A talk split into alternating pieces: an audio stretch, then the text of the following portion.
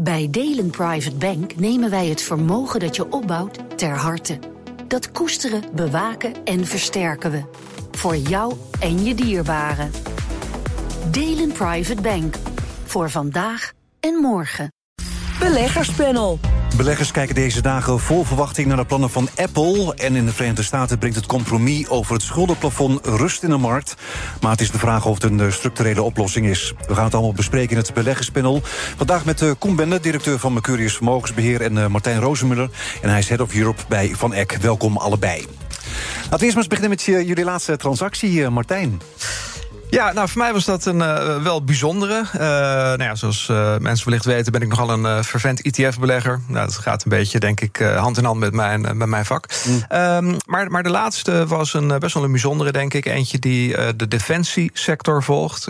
dus ja, beleggen in fabrikanten van verdedigingswapens. Van wapens. Ja, dat mocht een tijd lang niet natuurlijk, hè? Daar was een hoop over te doen. En, en er is nog steeds veel over te lezen in de media ook. Maar met name lees je steeds vaker dat er wat rationeler naar gekeken wordt. En sinds. Uh, de oorlog in dus, Oekraïne natuurlijk ook. Ja, exact. Is er toch ook best iets voor te zeggen, juist vanuit een ESG-perspectief, om dit juist wel te willen doen. Nou, in ieder geval uh, een, een, onderwerp waar veel over te zeggen valt en, en, veel meningen over zijn. Maar jij bent erin gestapt dus? Ik ben persoonlijk ingestapt omdat ik inderdaad uh, nou ja, niet alleen denk dat het een goede investering kan zijn. Ik denk ook dat het een sector is die, nou ja, hoe dan ook, helaas moet bestaan. Hmm. En ja, een sector die helaas moet bestaan, heeft ook beleggers nodig. Ja, wat geeft dat de doorslag? Dat het een goede investering is? Of? Uh, beide. Ik denk dat dat een beetje hand in hand gaat. Ja. Koen, wat is jouw laatste transactie? Uh, onze laatste transactie is dat wij uh, in ons uh, vermogensopbouwprogramma, al dan niet voor pensioen, ehm, China iets afgebouwd hebben. En uh, dat iets breder in emerging markets uh, neergezet hebben. Omdat, Waarom China afgebouwd dan? Nou, we zien dat daar toch uh, wat, wat, wat specifiek... Het blijft wat langer achter dan we gehoopt hadden. We hebben er nog eens goed naar gekeken. En we zien dat in die nieuwe positie die we genomen hebben... daar ook China voldoende in voorkomt. Maar toch de risico's iets breder gespreid zijn... richting andere opkomende landen, zoals India en Zuid-Amerika... die ook in dat mandje zitten. Ja, dus een uh, verbreding van. Uh, uh, van die scope. Omdat China het nog even niet waarmaakt op dit moment allemaal. Nou, om de, en omdat er in die andere landen ook kansen liggen die je dan, dan laat gaan ten koste van de concentratie in. of ten koste, ten faveur van, van een concentratie in China, die dus misschien wat minder goed uitpakt. Ja, laten we het hebben over de Verenigde Staten. Ja, compromis bereikt daar over het schuldenplafond. Lang over gesteggeld. Maar ja, eigenlijk wisten we van tevoren ook wel dat ze eruit zouden komen, toch?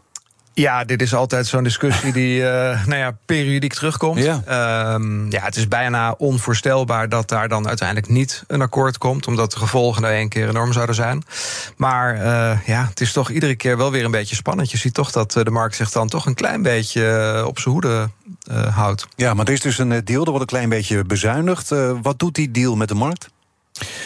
Nou ja, op dit moment, het feit dat die deal er is, geeft, uh, geeft iets van, van opluchting. Hè. Een soort van, ja, je gaat ervan uit dat het niet gebeurt. Maar als het wel gebeurt, dan uh, is het een serieus uh, probleem. Dat risico is naar de achtergrond voor de korte termijn. Ik denk dat het ook toch goed is om te kijken wat er op de iets langere termijn gebeurt. Maar die schuld die loopt maar op, hè? Uh, nou ja, dat proberen ze nu dus te, ja, een beetje bezuinigen. Uh, nou ja, de, begroting te houden op het niveau van 2022. En uh, ja, misschien ook wel een van de overwegingen die Martijn nam in zijn beslissing om zijn meest recente aankoop te doen. De Amerikaanse staat mag wel meer uitgeven aan defensie. Maar als de totale taart hetzelfde moet blijven en het stukje voor defensie wordt groter, dan betekent dat alle andere stukjes kleiner gaan worden. Nou, wat zijn dan die andere stukjes? Die andere stukjes zijn um, heel veel dossiers die uh, de Democraten uh, hoog op de agenda hadden staan en de Republikeinen wat, wat minder. Maar een stukje wat minder geld gaat krijgen, is bijvoorbeeld uh, infrastructuur. Uh, alle verbeteringen daarin. Uh, dat is best jammer, want die was al niet zo heel best in een aantal nou Amerikaanse ja, staten. En, ja, en als je dus dan gaat kijken naar wat zijn de langere termijn gevolgen van deze beslissing, dan is dat wel degelijk een rem op de economische groei van Amerika. Want als het wegennetwerk, de luchthavens ervoor zorgen dat mensen langer in de file, in de rij. Kost allemaal geld, hè? Dat kost kost allemaal geld. Dat is allemaal waste of the economy. Dus we kunnen nu inderdaad de vlag uithangen. Uh, uh, uh, we hebben een deal en we kunnen weer door met z'n allen. Maar uh, natuurlijk, je moet dat schuldenniveau niet al te hoog op laten lopen. Maar het schuldenniveau meet je altijd ten opzichte van de grootte van de economie. Mm -hmm. En wat nu gedaan is, is de schulden zijn gekapt. Maar de economische groei gaat daar ook minder toe door. En ja, ik denk dat je goede schulden hebt en slechte schulden. Een schuld die je gebruikt om de infrastructuur van het land beter te maken. Dat zou een goede schuld kunnen zijn. Een tweede Brienenoordbrug ja. neer te leggen... of een tweede Brooklyn Bridge... Ja. waardoor je sneller in New York City komt. Dat is een goede investering. Ja, maar goed, op de financiële markt heeft dan deze deal die rust weer uh, teruggebracht.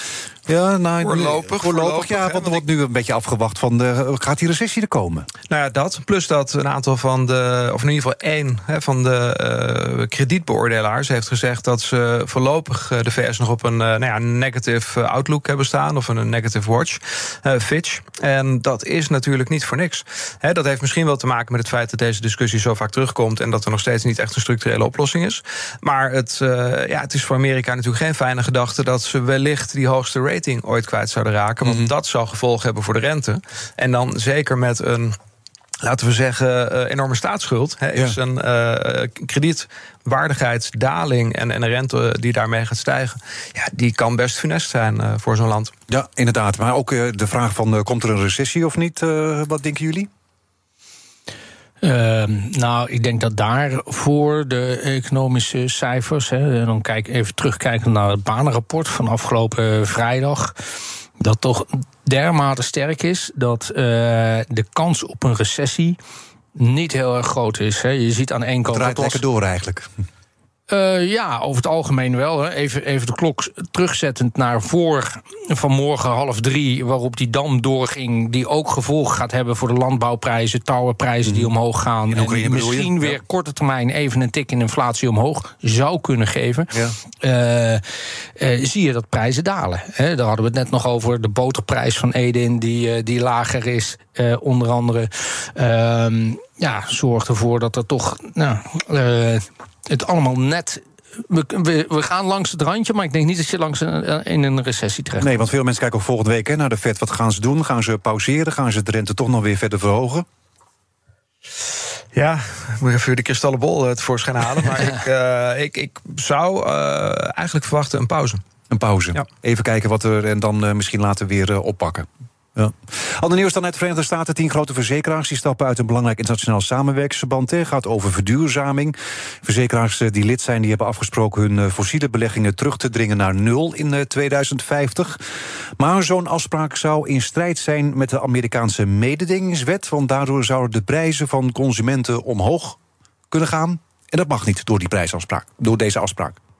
Uh, ja, dat is wat eigenlijk de, de, de andere demonstrerende uh, ploegen, eigenlijk de, de, de anti-woke uh, beweging. Anti-klimaat. Anti-klimaatactivisten gezegd hebben. Ja, als je dit doet, dan, dan, dan wordt de prijs veel te hoog. En want de competitie wordt minder als je al die maatregelen neemt.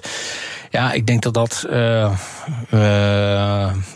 een. een uh, dat zou je misschien kunnen beargumenteren. Dat is hele korte termijn. Ik denk dat de, de, de verzekeringspremie die je on the long run betaalt uh, veel moeilijker is.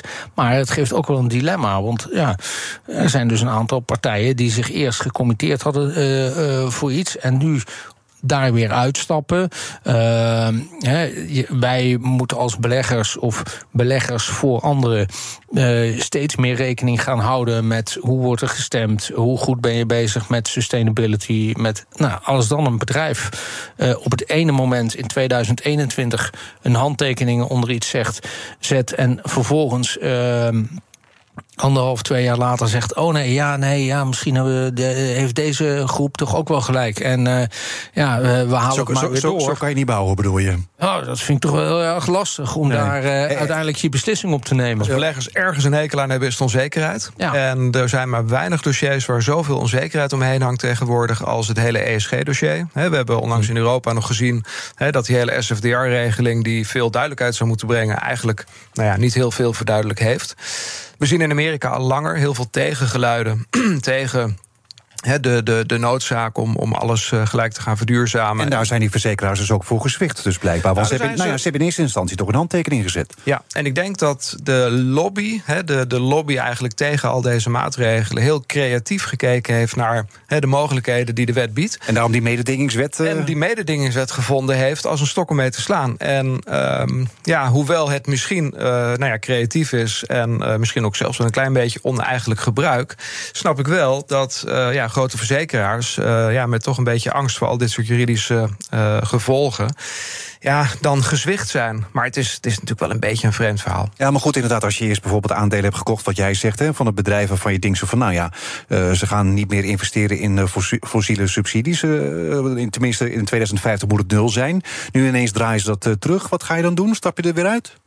Nou ja, in theorie hè, zouden bepaalde beleggers die daar echt heel streng in de leer zijn, inderdaad moeten besluiten om dan bepaalde posities te verkopen probleem is natuurlijk wel dat je dan uh, een beetje een speelbal wordt van nou ja, een, een aantal uh, lobbyclubs uiteindelijk. Hè? En, en of dat nou echt de bedoeling is, ik, ik denk, hè, daar zijn we nog lang niet misschien, maar ik denk dat je eigenlijk als uh, nou ja, financiële industrie breed, hè, misschien wel meer gewoon met je eigen gezonde boerenverstand aan het werk moet. En misschien ietsje minder, nou ja, zeg maar, alle steeds veranderende regels volgen. Op het moment dat je zelf gewoon jezelf in de spiegel kan aankijken. Minder dogmatisch eigenlijk, maar nou ja, eigenlijk wel. Dat zou beter zijn. Alleen ja, of we dat aandurven met z'n allen en of we daar de ruimte voor krijgen, dat is zeer de vraag. Ja, maar je wordt natuurlijk gigantisch gegijzeld dan hè, door zo'n zo'n groep die nu heel erg op de korte termijn zegt: van ja, dit is uh, uh, mededingingswetgeving waardoor je de verkeerde kant op gaat. het is ook juist voor die verzekeraars een gigantisch bedrijfsrisico.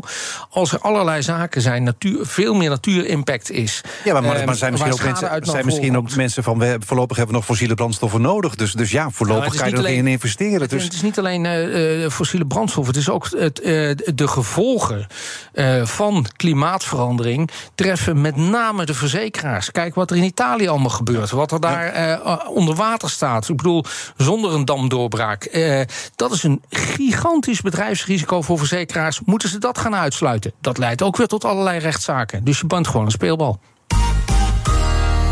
BNR Nieuwsradio. Zaken doen. Edwin Mooibroek we zitten midden in het beleggerspanel vandaag met uh, Kom Bender en Martijn Rozenmuller. Ja, de OPEC heeft besloten om de olieproductie te verlagen. 1,4 miljoen uh, vaten per dag. Saudi-Arabië gaat vanaf 1 juli vrijwillig ook nog eens uh, minder olie produceren. En dan gaat het om 1 miljoen vaten per dag. Ja, dat moet allemaal gebeuren om die dalende olieprijs een beetje te stutten. Ja, want niks helpt, hè. De vorige keer hebben ze het ook al gedaan. De, de, de, de olieproductie verlagen. Maar het heeft een kleine opleving teweeggebracht, maar daarna niet meer. Nee, ja, het is natuurlijk. Uh, ja, er, zitten altijd twee uh, krachten in dit speelveld: hè, de, uh, de, vraag en het aanbod. het aanbod kunnen ze natuurlijk nou ja, dan wel beperken, dan wel vergroten. Ja, de vraag hebben ze uiteraard geen invloed op. nou, met name toch wat tegenvallende signalen uit, uit China hè, zijn, denk ik, reden voor die nou ja, hè, daling van de olieprijs. Ja, dit is misschien een doekje voor het bloeden en misschien werkt het kortstondig, maar ja, op, op de wat langere termijn ja, heb je gewoon uh, die extra vraag nodig om uh, de prijs te stutten. En ja, ja Saudi-Arabië heeft geloof ik het gebaar voor één maand gemaakt. Ja, of dat nou echt een zo'n sterk signaal is, ja, dat, dat kan je je afvragen. Ja, want ze zijn het ook niet echt eens. Hè? Want Rusland gaat over het algemeen ook redelijk door. Ze moeten ook die oorlog in Oekraïne natuurlijk ook betalen. Die, die verkopen ook nog olie onder de kostprijs. Hè? Ja, dat is natuurlijk een, een hele belangrijke verstorende factor op het speelveld. Het is ook wel apart dat daar eigenlijk door, door de rest van OPEC ja, weinig over gezegd of, of gedaan wordt. Althans niet achter open deuren. Uh, opvallend was dat belangrijke persbureaus zoals Reuters en Bloomberg deze keer ook niet bij de meeting mochten zijn. Ehm, dus Saudi-Arabië inderdaad 1 miljoen vaten minder. Dat is 10% van hun productie. Je zou kunnen zeggen dat als er één land of nou, de Saoedi's hebben het heel erg hard nodig. Een olieprijs van 80 dollar om hun begroting te dekken. Mhm. nou, die olieprijs zit er 10% onder. Als je dan ook nog eens een keer 10% minder produceert, ja, dan loop je begrotingstekort in rap tempo op. Ja. Dus dat hou je ook niet lang vol. Je kan ook niet zeggen, we gaan dit een jaar doen, want dat, dat kost ze tientallen miljarden. Ze hebben er baat bij dat die prijs omhoog gaat. Zij hebben er baat bij dat de prijs omhoog gaat Ja. om hun economie te, te vernieuwen en te hervormen. En ehm, ja, dat, dat lukt op deze manier niet. Dus eh, het is geen goed eh, eh, moment wat dat betreft om eh, Bin Salman te heten. Nee, want die verlaten olieprijs, wie verlaten productie. Wie, wie, wie gaat die verlaten productie merken uiteindelijk?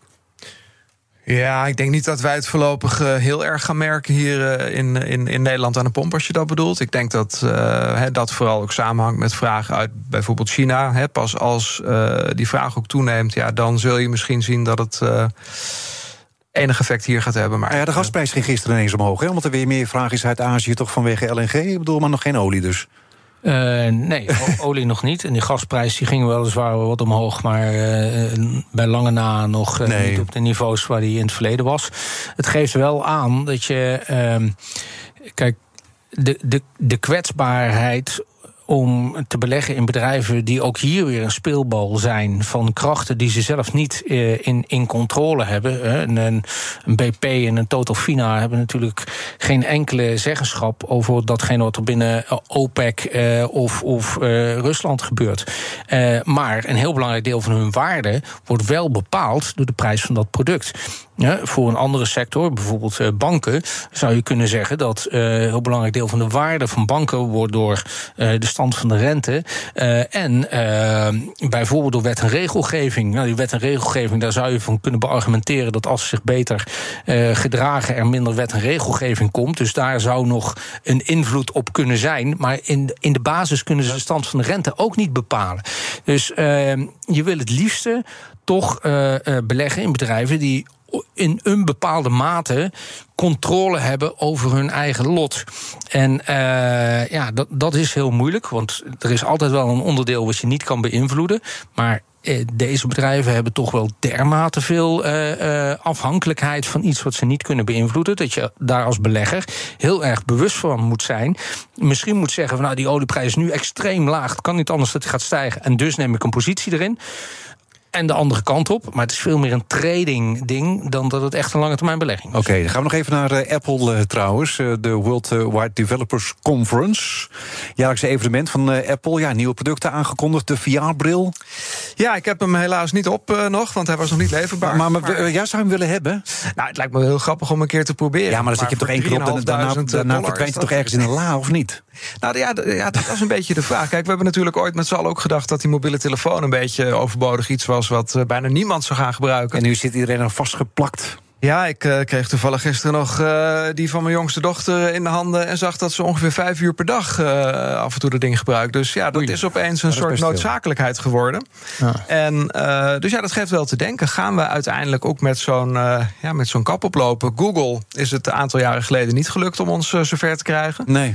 Apple is natuurlijk in het verleden wel succesvoller gebleken in het, uh, nou ja, uh, het aanpraten van iets wat, waarvan we dachten dat we het niet nodig hadden en het dan opeens toch heel erg uh, nodig gaan hebben. Ja, maar ik hoorde, ik hoorde ook iemand zeggen inderdaad van met zo'n VR-bril, als iemand het kan, dan zou het Apple moeten zijn. Want, ja. want de rest is het inderdaad niet gelukt. Ik bedoel, die Nou hebben niet heel veel van die dingen verkocht nog. Ja, ze zijn in het verleden succesvol geweest. En dat hangt natuurlijk ook heel sterk samen in hoeverre ze uh, dat ding kunnen laten samenwerken met bijvoorbeeld hè, je iPhone, hè, met je apps die je toch mm. nog gebruikt. Ja. Op het moment dat daar een soort natuurlijke uh, ja, uh, link wordt gelegd. Ja, dan zou ze dat best eens kunnen lukken. Kijk, de voornaamste reden, denk ik, waarom of mensen wellicht met zo'n ding gaan lopen. Uh, of waarschijnlijk een soort dan duikbril gaan eigenlijk, hè? Ja. Ja, nou ja, of een skibril inderdaad. Ja. Uh, maar ik, ja, ik, verwacht bijvoorbeeld veel uh, van gaming toepassingen. Hè, we hebben een aantal jaren geleden een ETF gelanceerd op de gaming-industrie. Nou ja, daarvan had ik toen eigenlijk niet verwacht dat het zo hard zou gaan, dat het zo'n succes zou worden. Mhm. Mm -hmm. Dus nou ja, gelukkig had je daar een Nvidia in. Nou ja, het, het, blijkt ook inderdaad goede side effects te hebben. Bijvoorbeeld als je naar kunstmatige intelligentie kijkt. Maar uh, nou goed, en, en overigens een klein verschil misschien met uh, destijds toen Google het probeerde. Techniek is nu inmiddels een stuk verder. Uh, ja. Sneller, meer rekenkracht. Dus misschien dat de beleving nu ook wat nou beter is. Maar, maar verwacht u er veel van, van die nou, bril? Het is wel grappig. Ik uh, was gisteravond hier en ik sprak net even met uh, een van de redacteuren die er toen ook was. Inmiddels zijn de eerste journalisten in de Verenigde Staten die dat ding op hebben gehad. Die hebben hem ook kunnen vergelijken met uh, wat Meta en andere leveranciers hebben. Dit schijnt echt wel beyond beyond te zijn in, in beleving. Of het ook echt een functionaliteit gaat hebben. Ik in denk plaats dat van alleen maar leuk. Nou, kijk, het grappige is dus. Uh, Apple heeft uh, zijn eigen lot kunnen bepalen op heel veel gebieden. Als je het hebt over bedrijven met eigen lot. Ze hebben iets ge gecreëerd, wat Martijn ook al zei. Wat nu niet meer uit ons leven weg te denken uh, is. Waarvan we vroeger dachten dat we het niet nodig hadden. En uh, als je heel stil aan gaat kijken. Die iPhone weet exact waar je bent. Af en toe begint Siri tegen je te praten. Je horloge weet of je aan het sporten bent, want je hartslag gaat hoger. Eigenlijk weten ze alles al. Het enige wat ze nog niet hadden. Als je zo op, opstond, is best eng eigenlijk. Ogen van, je, van jouw lichaam. En zien wat er om je heen oh, dat gebeurt. weten ze nou, nu ook. En, en dus als we het nou hebben over kunstmatige intelligentie. Uh, volgens mij is dit allemaal embedded rondom kunstmatige intelligentie. Apple weet dadelijk alles van je. Ik meer ga, dan de KGB, de CIA. Ik ga die bril niet kopen hoor. Ik heb in ieder geval vast één uh, leuke toepassing bedacht. Ik was uh, afgelopen weekend, wat ik wel vaker doe, een rondje fietsen in, uh, in Friesland. Op mijn racefiets. En nou, dan stippel ik van tevoren een beetje een route uit en dan fiets ik verder op de gok. Het lijkt me fantastisch om zo'n ding op te hebben. Heb ik ook geen last meer van die vliegen en die mugjes. En dat je dan in een soort augmented reality, want dat mm -hmm. hebben ze naast virtual reality natuurlijk ook in dat apparaat gestopt. Ja, als het ware de, de, de Strava-kaart voor je ziet. Hè, dat je precies ziet wat je gemiddelde snelheid is. dat je misschien ook nog kan zien waar je vrienden fietsen. Eigenlijk is dat, ja, nou ja, dat, een soort. gaaf, Martijn. Dan kunnen we een rondje gaan fietsen op de maan. Kunnen we ook doen. En dat Apple zo meteen ook je ogen weet en zo, alles van, dat maakt je niet zoveel uit. Ja, kijk, daar zit natuurlijk een gevaar in. Op het moment dat je op straat loopt met je vrouw, moet je oppassen waar je wel en niet naar kijkt. Want Apple kan je zomaar. Uh, Wordt allemaal geregistreerd, ja. inderdaad. Ja. Maar uh, ja, ach, kijk, ik heb Misschien daar ziet je vrouw iets er minder heel anders uit opeens. Dat zou ook nog kunnen. Krijg je ook een hele andere ervaring van. Nee, ja, goed. Er zullen ongetwijfeld privacy issues uh, aan zitten. Ik denk daar misschien altijd iets te makkelijk over. Dus ja. laat ik daar nog eens goed over nadenken. Dank jullie wel. Kom ben de directeur van Mercurius Vermogensbeheer en Martijn Rozenmuller. Hij is head of Europe bij Van Eck. Beleggerspanel wordt mede mogelijk gemaakt door Annexum. Al meer dan 20 jaar de aanbieder van vastgoedfondsen. En het panel is ook te beluisteren als podcast. Abonneer je vooral even via je favoriete kanaal of via de BNR-app. Zometeen praat ik met FD-collega Pieter Kouwenberg... over het einde van het gedwongen huwelijk tussen KLM... en staatsagent Jeroen Kremers. Bij Delen Private Bank nemen wij het vermogen dat je opbouwt ter harte. Dat koesteren, bewaken en versterken we. Ook als je jong professional bent. Delen Private Bank. Voor vandaag en morgen.